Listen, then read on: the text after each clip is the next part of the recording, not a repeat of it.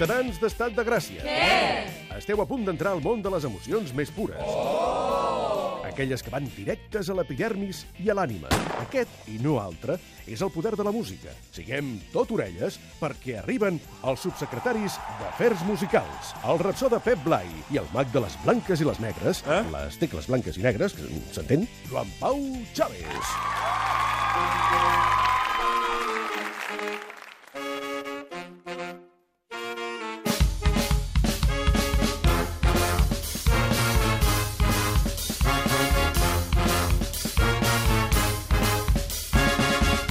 I avui a l'Estat de Gràcia estem d'enhorabona perquè ha tornat el molt trobat a faltar mestre Joan Pau Chávez! Jo sí que us he trobat a faltar, Visca! president i tota la comitiva de ministres. Sí, i qui t'ha trobat a faltar és el Pep Blai, eh? Ja no estem sols. Ja Estàs- Estàs... la meva parella, de fet. Estàs de fet, content, parella eh? musical. Joan Pau, t'estimo. I jo igual, Pep.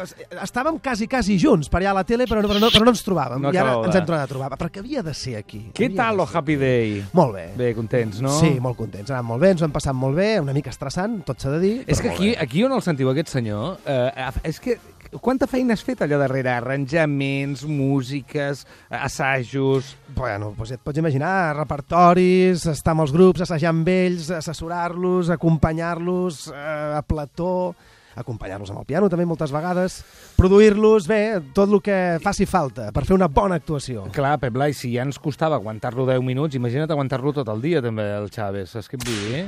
Té- Tasca. té- I de seu director eh? musical, manant. Buf, manant. Ja veus, com m'heu enyorat, ja ho veig. Que és, veig. és bona gent, però quan mana, buf, es torna, es torna molt A xungo. veure si haurem de a plantejar-nos de fer un Sofianet. cop d'estat, un cop d'estat de gràcia. No, home, no, va, comencem avui una altra edició de la Filarmònica. Benvingut el Joan Pau, ben trobat el Pep Blai.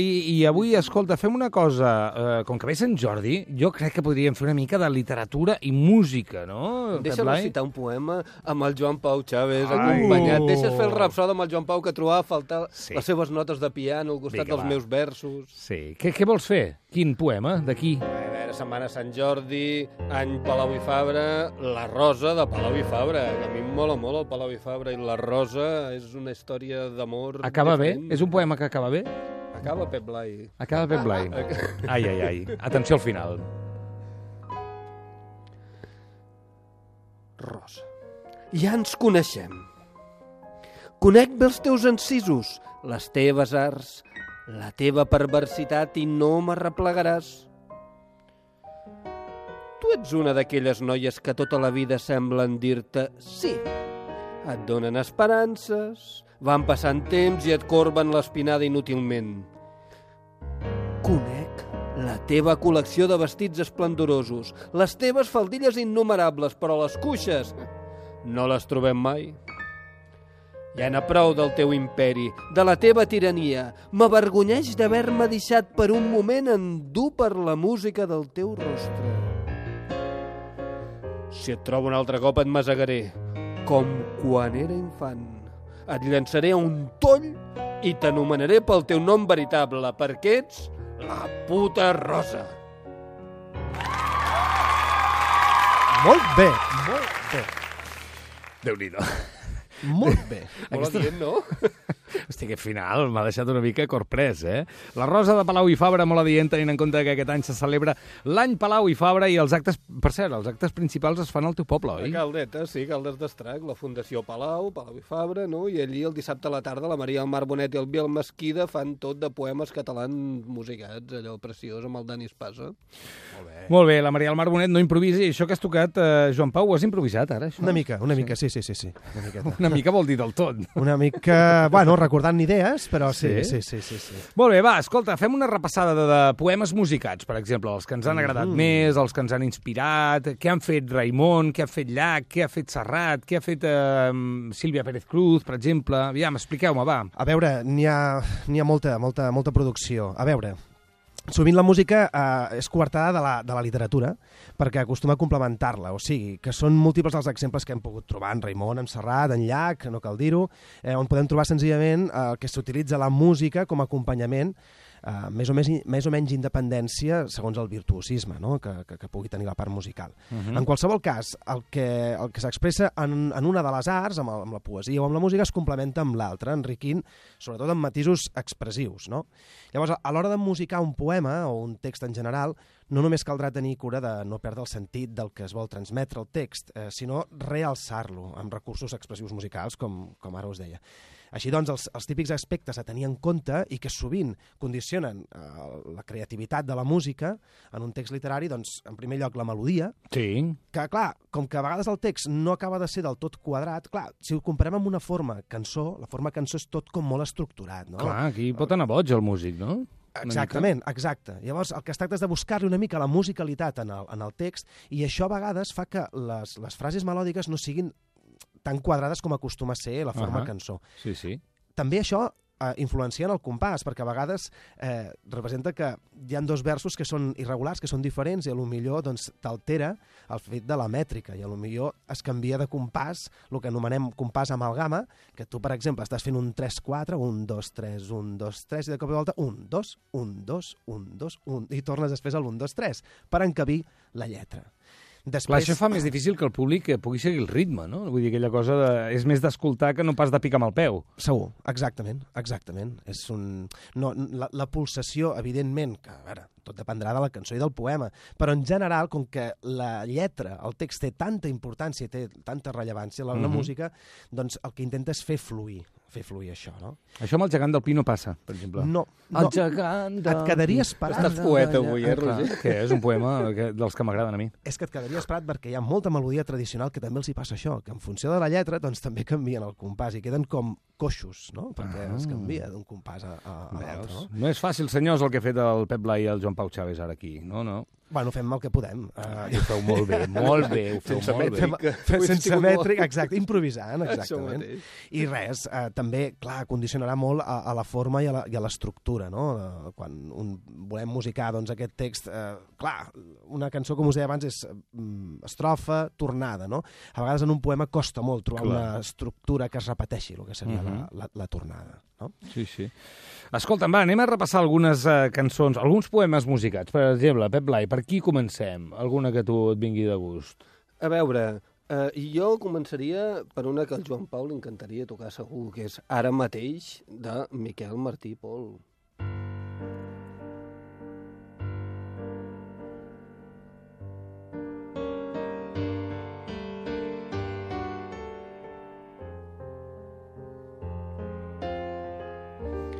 El moment històric en què es va cantar aquesta cançó, per mi va ser quan ho van fer a Lluís Llach, la Sílvia Pérez Cruz i Pep Guardiola.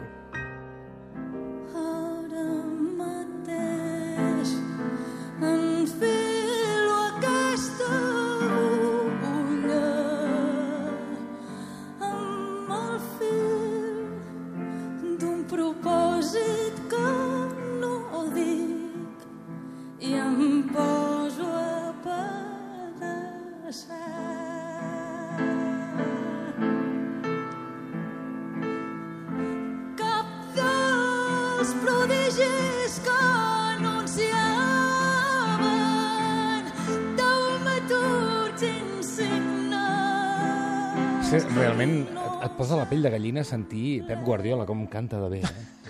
És una cosa, de veritat. És que Pep Guardiola ho fa tot bé, Però no era Lluís president. Llach el que estava cantant ara. Ah, a veure...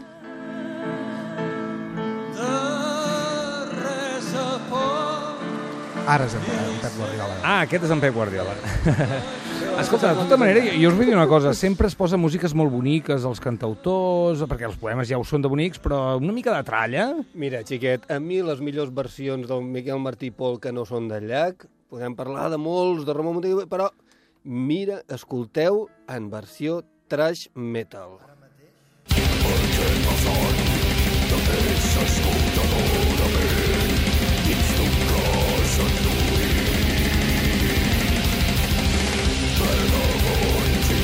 Això, perdona, escolta, Pep Blai. Vidres a la sang, un grup que es diu amb un nom d'un poema del Miquel Martí Pol, que el primer disc va estar No tot format per cançons de... Crida més, no et sento. Ei, versions de Miquel Martí Pol. Aquesta es diu El més dur sempre guanya. Què, no es pot fer trash, Ho Martí hauries de Pol? dir així, ho hauries de dir així. Hòstia, noi. Això ho va sentir en Miquel Martí Pol? No ho sé, em sembla que no va arribar. Quin ensurt. Pots tornar a posar la Sílvia Pérez Cruz en una altra cançó, sisplau? L'ou de la mort blanca. Oh, quin descans. Aquesta cançó es diu, ja ho diré, l'any que ve, Liets... No. Xxt, calla. Covava l'ou de la mort blanca. Ah, Aquesta és la de la Maria Mercè Marçal. ah, És covava aquell l'ou de la mort blanca, és veritat, és veritat. És que al final, és que, és que a veure, hem de posar coses boniques, per això la poesia sempre va lligat a músiques boniques. Però potser en tenim alguna miqueta d'història en explicar el Joan Pau i jo. És una que es diu amb aquest nom que anaves a dir tu, Sí. impronunciable. Deixem-ho pronunciar. A veure si ho sé dir. Lietzenburger Strasse. No és tan difícil. Lietzenburger Strasse. Va, ja m'he animat. Ara li posaré així el meu gos. Mai- Lietzenburger mai ho hagués Strasse, dit, a mai dinar. Escolta'm, què passa amb aquesta cançó? Lietzenburger Strasse, 1976. Sí. Digues el nom sencer del títol. No, ara ja està, ja no, fa, ja no, no em demanis més al president. A va. veure, és la història d'una dona que se sent sola, sense saber ben bé cap on va, carrer amunt i carrer avall, pel Lietzenburger Strasse, que és un carrer de Berlín. El poema va caure a les mans de la Sílvia en un moment en què ella se sentia exactament igual que aquesta dona del poema. Així com a sol, anant amunt i avall, es va sentir identificada i ella se la va imaginar que aquesta dona del poema seria com una mena de parisina romàntica passejant per, per, per façanes d'època, per, per, per un Berlín antic. I un dia la Sílvia Pérez Cruz se'n va anar a Berlín, va anar al carrer Lietzenburger Strasse i es va decepcionar perquè era modern, arquitectònicament horrorós, res a veure amb el que s'havia imaginat. Uh -huh. I a sobre va tenir l'oportunitat de parlar amb el mateix Feliu Formosa, l'autor del poema. I el Feliu Formosa, i ell li va preguntar com és que es va inspirar en un carrer tan lleig com aquest per fer un poema tan bonic? I el Feliu Formosa li va respondre, mira, és que jo vivia en aquest carrer i des de la finestra veia sempre la mateixa noia que caminava amunt i avall cada dia i em vaig posar la seva pell. I què hi feia caminant cada dia, li preguntava la Sílvia. I el Feliu li diu, treballava, Sílvia. Era la puta del carrer, la prostituta del barri. És a dir, que la Sílvia havia triat aquest poema perquè se sentia plenament identificada amb la puta del carrer. Entre jardins desemparant-se, tota de blanc, pòmuls sortits, de dona eslava que s'han clavat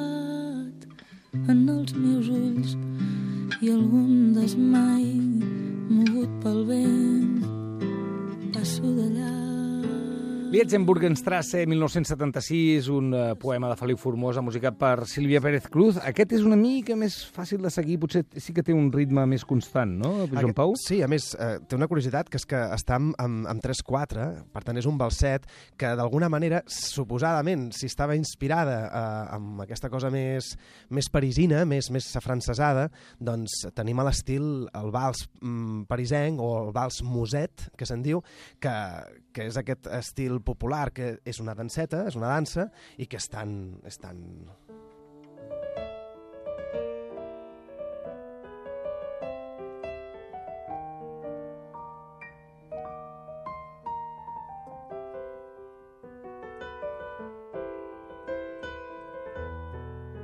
Recorda molt, doncs, per exemple, no sé, Sí, senyor. A Satí, els valsos típics de les suites afrancesades, d'aquí, d'aquí ve, d'aquí ve aquest estil francès. Saps què em donen ganes quan sento aquestes músiques? Es toca una mica una d'aquestes? Qualsevol... Aquestes. Sí, em donen ganes de comprar una rosa i regalar-li el Pep Blai. Ah, Sí, i després ballar, amb la rosa a les dents, eh? Després ja la cosa ja s'anima. És- seria una mica més tango, no? Seria... Aviam. Sí, és que, que clar, passem del 3-4 al tango i després ja fem... Home, si em dius la rosa a les dents, a mi, a mi això ja m'ha donat això, eh? Home, és, és, és molt morbós perquè la rosa té punxes, eh? Vull dir, la boca seria una mica sangonera, eh? Perdó, eh? Que maco. Escolta, ens queda també... Hem de passar per, per exemple, els clàssics eh, i Roger Mas cantant a Jacint Verdaguer. Un dia assumí que era una vella i papallonejant per l'hort del cel. I clar, ja ho sabeu, que aquí a la Filarmònica el Roger Mas sona molt bé, però nosaltres volem sentir com declama el Pep Blai aquesta cançó de Verdaguer que té un punt eròtic, eh? És que és el que vull explicar, perquè la gràcia és com tu fas per recitar un poema d'un altre segle, amb un llenguatge d'un altre segle, i fer-ho amb una cançó gairebé pop. No és el mateix que fer-ho amb un poeta contemporani. I clar, Roger Mas agafa la branca més diferent, original, que no t'esperes de mossèn Cinto, un capellà. El pobre es pensava que era una vella i que anava de flor en flor. Ai, ai, ai. Escolteu què deia. Un dia assumí que era una vella i papallonejant per l'or del cel. Anava d'una estrella a una altra estrella, volves d'or collint la dolça mel. Així em somria una gentil punzella que esbadallant-se es convertia en flor. Com un pit se m'obria l'hemisferi deixant-me veure, de veure, d'empassar, lo diví tresor. Ai, que deu ser el diví tresor de la punzella que el podia veure. Mm -hmm. No sé, no sé. Vola que vola de la rosa el lliri. El lliri? Ai. De flor en flor seguia jo el verger. Del nèctar regalat, nèctar regalat? Entre càntics i música i plaer. Preneu-ne, meus amics del món, preneu-ne en rajolí i deixa-me-el fresca. Sí. Es veu que l'home s'ho passava tan bé que va decidir convidar els seus col·legues a que s'hi apuntessin. Però, bueno, clar, la putada és que quan estava en un millor moment vaies desperta i tot havia estat un somni. Mossèn Cinto. La puta rosa, Verdaguer en clau porno, a l'estat de gràcia, la Filarmònica, que torna realment molt forta. Joan Pau, acabem això amb alguna cosa, alguna Doncs dedicatòria sí, especial amb la teva tornada? Sí, una dedicatòria per tu, president, amb Molt tot el bé. que t'he enyorat. Sabem que t'agrada molt a Nirvana, Sí, per vostè. aviam. Fight tuberculosis, folks. Christmas Eve, an old junkie selling Això és Christmas William, és William Barrows, això. Sí, senyor. És un tòtem de la poesia nord-americana per a aquells que no en saben gaire de poesia o no estan massa passats, que sàpiguen que William Burroughs és com Andy Warhol a l'art, William Burroughs ho va ser a la poesia. I què van fer, Barrows i Cobain? Doncs mira, van fer aquest invent, aquesta... a més, És com, com una mena de curtmetratge eh, que bé, que parla una miqueta d'una d'una qüestió bastant crua i que la música acompanya amb aquest efectisme. Aquí no tenim melodia, aquí tenim efecte, atmosfera. Thin kid in prep school clothes, familiar face, the priest told himself. Barrows, Cobain, Verdaguer, Palau Fabra, això és un no parar, això és cultura, això és Catalunya Ràdio, això és la Filarmònica, això és la bogeria d'aquests dos senyors, de veritat un plaer. Per cert, eh, què va dir Barrows de Cobain? Eh, Es van caure bé? Bueno, no massa. Burroughs va dir eh, Kurt Cobain, quan el vaig conèixer, no tenia int intenció de suïcidar-se. Quan el vaig veure, ja estava mort. Ai, caram, quines coses. Joan Pau, una abraçada, moltes gràcies. Una abraçada per tots. Gràcies, Pep Blai. Gràcies, president. The boy nowhere in sight. Gone to get the keys, most likely. Have to move fast. He picked up the suitcase and started for the corner. Estat de Gràcia.